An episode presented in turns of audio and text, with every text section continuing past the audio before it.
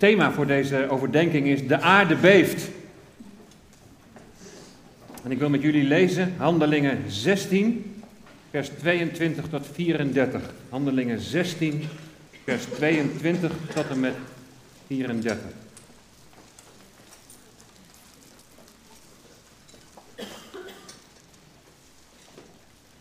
En de menigte die kwam als één man tegen hen in verzet. Dat zijn Paulus en Silas. En de magistraten die rukten hun de kleren af en gaven bevel hen met stokken te slaan. En nadat zij hun veel slagen toegediend hadden, wierpen zij hen in de gevangenis en geboden de cipier hen zorgvuldig te bewaken. En toen hij dat bevel gekregen had, wierp hij hen in de binnenste kerker en zette hij hun voeten vast in het blok. En omstreeks middernacht baden Paulus en Silas en zongen lofzangen voor God. En de gevangenen die luisterden naar hen. En er vond plots een grote aardbeving plaats, zodat de fundamenten van de gevangenis bewogen werden. En onmiddellijk gingen alle deuren open en raakten de boeien van allen los. En de cipier die wakker geworden was en zag dat de deuren van de gevangenis open waren, die trok een zwaard en zou zichzelf gedood hebben. Omdat hij dacht dat de gevangenen ontvlucht waren. Paulus riep echter met luide stem: Doe uzelf geen kwaad, want wij zijn allemaal hier. En toen hij om licht gevraagd had, sprong hij naar binnen en begon erg te beven. En hij viel voor Paulus en Silas neer. En hij bracht hen naar buiten en zei: Heren, wat moet ik doen om zalig te worden? En zij zeiden: Geloof in de Heer Jezus Christus en u zult zalig worden, u en uw huisgenoten. En ze spraken het woord van de Heer tot hem en tot allen die in zijn huis waren. En hij nam hen in dat nachtelijke uur met zich mee en waste hun striemen. En hij werd onmiddellijk gedoopt en al de zijnen. En hij bracht hen in zijn huis en richtte voor hen de tafel aan. En hij verheugde zich dat hij met al zijn huisgenoten tot geloof in God gekomen was. Tot zover de schriftlezing. Er was in Filippi, daar speelt zich dit af, was er een jonge slavin die bezeten was door een geest en zo kon ze de toekomst voorspellen. Haar eigenaars die verdienden daar goed mee. Maar als Paulus dan deze geest uitdrijft, ja, dan zijn ze natuurlijk woedend op Paulus en Silas. En daar gaan hun inkomsten. Paulus en Silas worden meegesleept en dan hebben we gelezen dat er een menigte is die tegen Paulus en Silas in verzet komt. Hun kleren worden afgerukt en dan krijgen ze stokslagen. Vervolgens worden ze in de gevangenis geworpen en daar zitten ze met de voeten in het blok.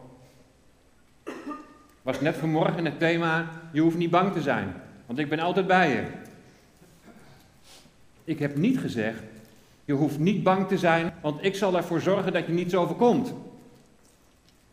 Dat zou niet eerlijk zijn. De Bijbel leert ons dat als je wilt vrucht dragen, als je echt voor God wil leven, dan zul je vervolgd worden. Nou, dat zien we hier. Maar wat doe je dan als het zo ver komt dat je wordt vervolgd? God de schuld geven? Klagen over de, de ontrouw van God? Waaroms afvuren naar de hemel? Draag je vrucht, dan zul je vervolgd worden, zegt het woord van God. Wil jij je aan God toewijden, dan gaat dat niet zonder strijd. De Bijbel is een eerlijk boek. De apostelen die volgden Jezus en zijn allemaal gemarteld en gedood. Veel brieven in het Nieuwe Testament die bevatten bemoedigingen voor gelovigen die vervolgd worden. Vervolging was een vanzelfsprekendheid. Wil je mij volgen? Neem dan je kruis op, zegt Jezus. Wees bereid om te lijden. Je kunt je nog omkleden. Weet je waar je aan begint? Orlando Bottenblij die preekte eens in een gevangenis in Suriname. En velen kwamen tot geloof en wilden zich laten dopen. En hij zei hetzelfde van, weet je het wel zeker? Zo in de zin van, Jezus volgen betekent je kruis opnemen. Jezelf verloochenen. Het is niet meer jij, maar het is Hij. Wat ga je doen als er vervolging komt? Het was middernacht. En wat doen Paulus en Silas daar in die kerken met de voeten in het blok? Ze bidden en ze gaan samen God de lof zingen. De gevangenen die luisterden naar hen. Wat is hier aan de hand? Verbaasde gezichten. Misschien wel boos omdat hun nachtrust wordt verstoord. Of, of juist bemoedigd door het geloofsvertrouwen van deze mannen. Het is middernacht. Het maakt daar in die gevangenis denk ik niet uit of het nou dag of nacht is. Het zal er altijd donker zijn. De gevangenissen toen die waren niet zo comfortabel als nu. Wat zijn die mannen aan het doen? Ken je dat? Als het diepe nood is, als je niet meer weet wat je moet doen, of je kunt zoals Paulus en Silas, je kunt helemaal niets meer doen, dat je gaat bidden en dat, en dat je lofliederen gaat zingen. Niet zielig in één gedoken je vonnis afwachten, maar God loven en prijzen met heel je hart. En de andere gevangenen die luisteren mee. Wat gebeurt hier? Er gebeurt inderdaad iets als God de lof wordt toegezongen. Een grote aardbeving. Een grote aardbeving vindt plaats, hebben we net gelezen. Een grote aardbeving, zodat de fundamenten van de gevangenis bewogen werden. Onmiddellijk gingen alle deuren open en raakten de boeien van allen los. Weet je, in Jezaja 61 staat dat de, Messias, dat de Messias komt om voor de gevangenen vrijlating uit te roepen en voor wie gebonden zaten opening van de gevangenis. Nou, later bevestigt de Heer Jezus dat bij de lezing in de synagoge en dan zegt hij dat hij die gezalfde is. Maar hier in Handelingen 16 gebeurt het letterlijk. Vrijlating uit de gevangenis. Voor wie gebonden zaten, opening van de gevangenis. Dit is nou in korte tijd de derde keer dat we lezen over een aardbeving. Goede Vrijdag, dat was de eerste keer. Jezus aan het kruis gaf de geest. En het voorhangsel van de tempel scheurde in tweeën van boven naar beneden. En dan staat er, de aarde beefde en de rotsen scheurden. Ook werden de graven geopend en veel lichamen van heiligen die ontslapen waren, die werden opgewekt. Zie je, ook hier wordt als het ware een deur geopend. Het graf, graven worden opengemaakt. En we zien hier het bewijs dat de dood is overwonnen. Lichamen van heiligen, lichamen van gelovigen die zijn ontslapen, die worden opgewekt. En de deur van de gevangenis van de dood gaat open en daarbuiten, daar is leven. De tweede aardbeving was vanmorgen. En zie, er vond een grote aardbeving plaats, want een engel van de Heere, die uit de hemel neerdaalde, ging erheen, rolde de steen van de opening weg en hij ging erop zitten. Een grote aardbeving vindt plaats. En wat gebeurt er? De engel die rolt de steen van de opening van het graf weg. Er gaat weer een gevangenisdeur open. De deur van het graf gaat open. De Heer Jezus is opgestaan. Hij is bevrijd en de winsels die liggen er nog. Bevrijd van de dood, bevrijd uit het graf. Dus al twee gebeurtenissen die gepaard gingen met een aardbeving. En dan nu, de derde aardbeving, een aardbeving in Filippi. Niet in Israël, maar op het Europese vasteland. De eerste plaats in Europa die bereikt wordt met het evangelie. Ook daar een grote aardbeving. En weer gaat er een deur open. Bevrijding uit de gevangenis, de voeten niet langer in het blok. De cipier die wakker wordt, die schrikt zich rot van die openstaande deuren en wil zich van schrik van het leven beroven. Het motief van de gevangenbewaarder is dat hij liever zichzelf ombrengt dan door zijn opdrachtgevers ter dood te worden gebracht op beschuldiging van plichtsverzuim. Bewakers die hun gevangenen lieten ontsnappen, die konden worden geëxecuteerd. Hij trok een zwaard en zou zichzelf gedood hebben. Maar dan roept Paulus met luide stem: Doe u zelf geen kwaad, want wij zijn alle hier. Je zou denken dat de gevangenen er direct vandoor gaan. Maar dat gebeurt niet, wonderlijk. Er is waarschijnlijk meer aan de hand dan alleen maar een aardbeving.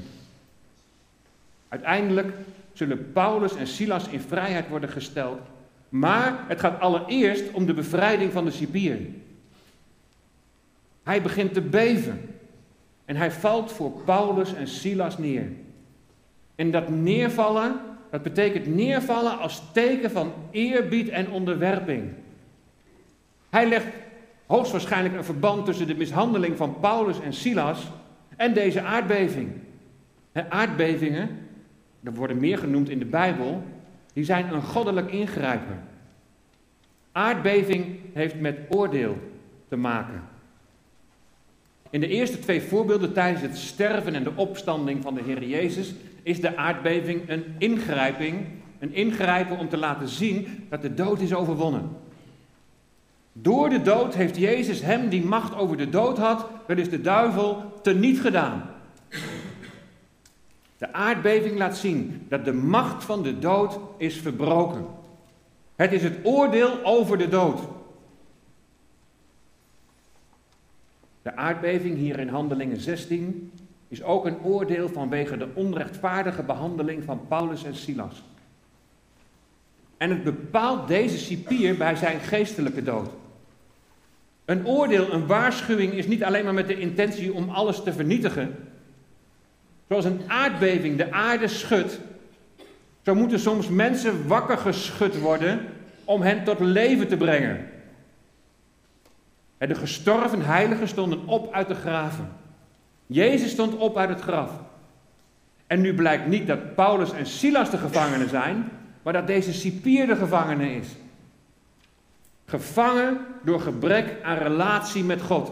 Nog gevangen in zonde en schuld. Hij brengt Paulus en Silas naar buiten en dan zegt hij: Wat moet ik doen om zalig te worden? En dat betekent: Wat moet ik doen om verlost te worden van mijn zonde en schuld? Wat moet ik doen om behouden te worden? Heb jij jezelf die vraag al eens gesteld? Of misschien zelfs wel de vraag aan, aan God gesteld. Wat moet ik doen om, om behouden te worden? Heb je jezelf die vraag wel eens gesteld? Of moet er eerst een aardbeving komen?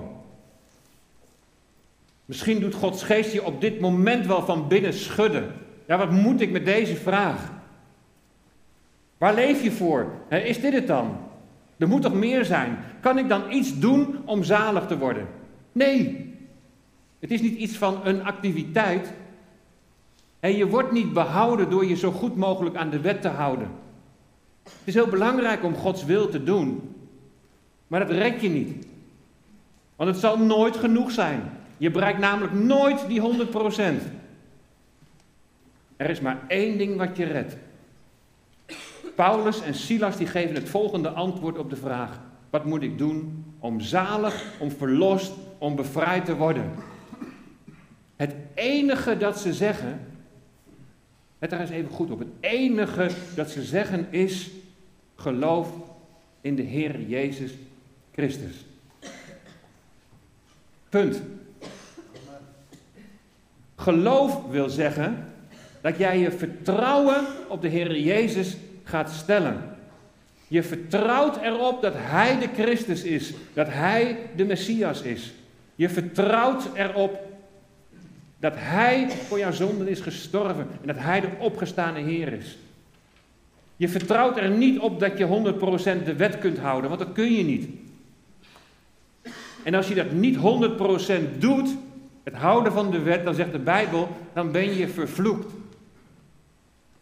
Je vertrouwt erop dat Jezus daarom aan het kruis, dat een vloekhout wordt genoemd, is gegaan om al jouw zonden op, je op zich te nemen.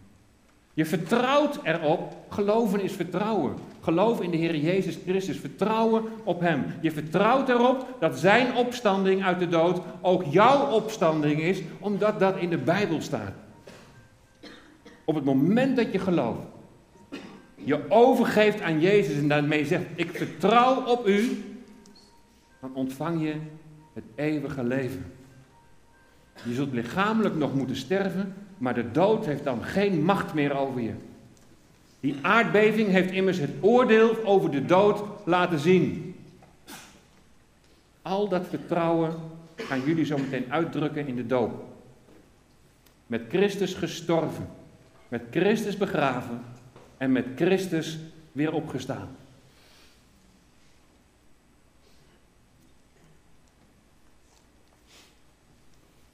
Israël voelt regelmatig aardschokken.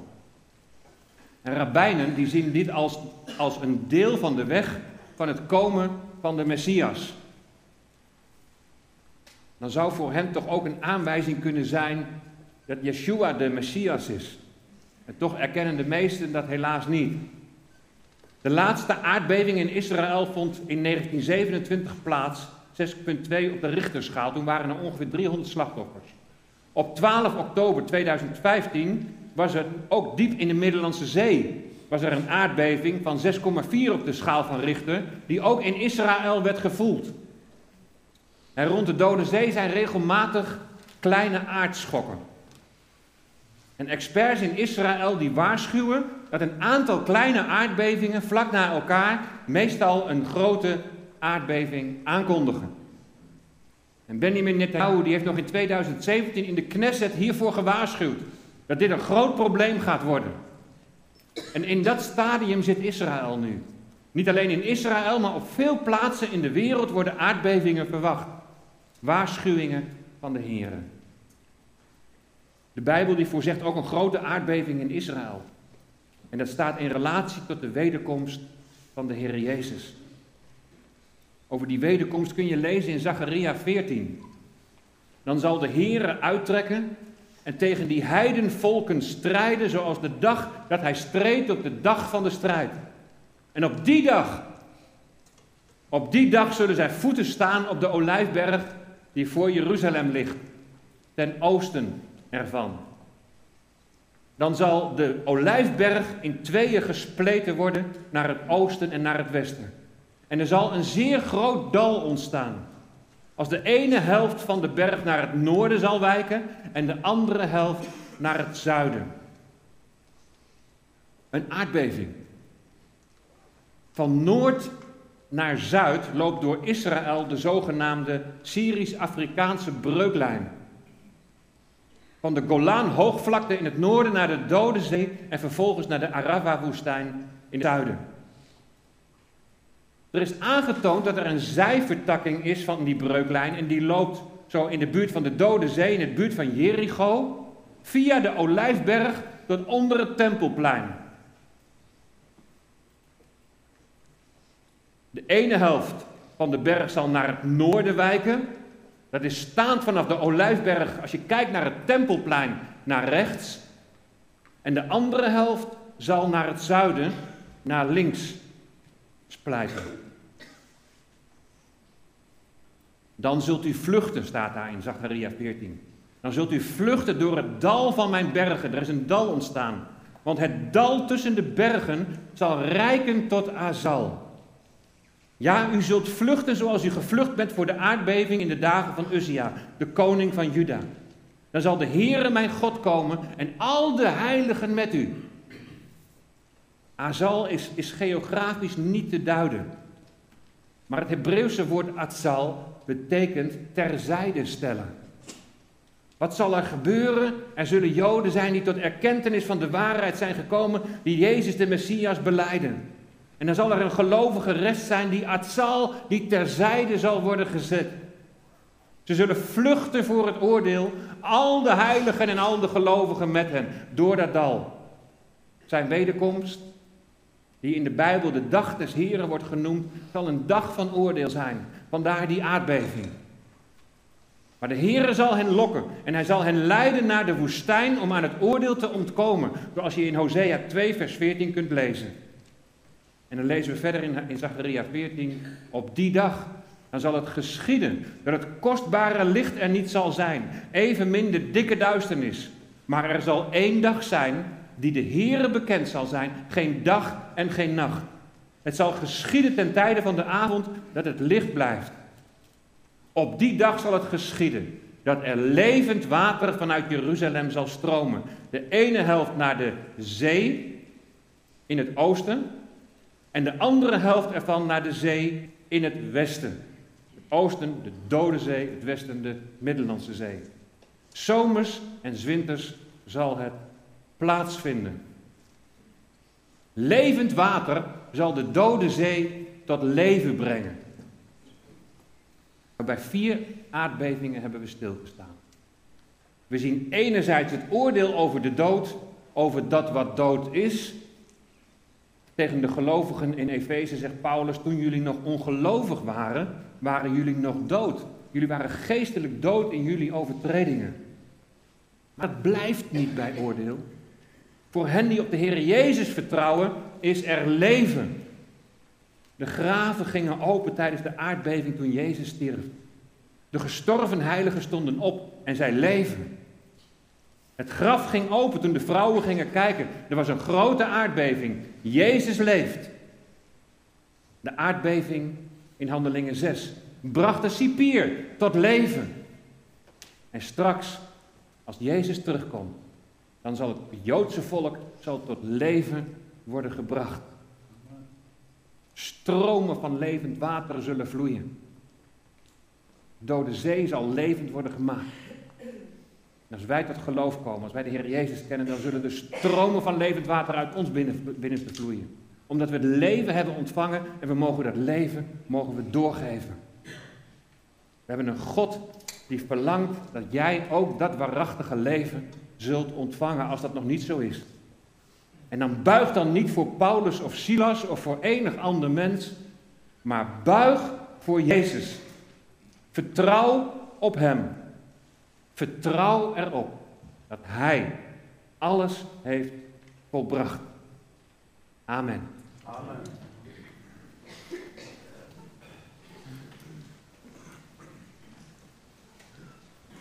Voordat we zo meteen naar de getuigenissen gaan luisteren, gaan we eerst nog een lied met elkaar zingen. Opwekking 630. Op elk moment van mijn leven, lied dat Pieter heeft uitgezocht, in voor- en tegenspoed, aanbid ik u mijn Jezus. En dat is het beste wat je kunt doen.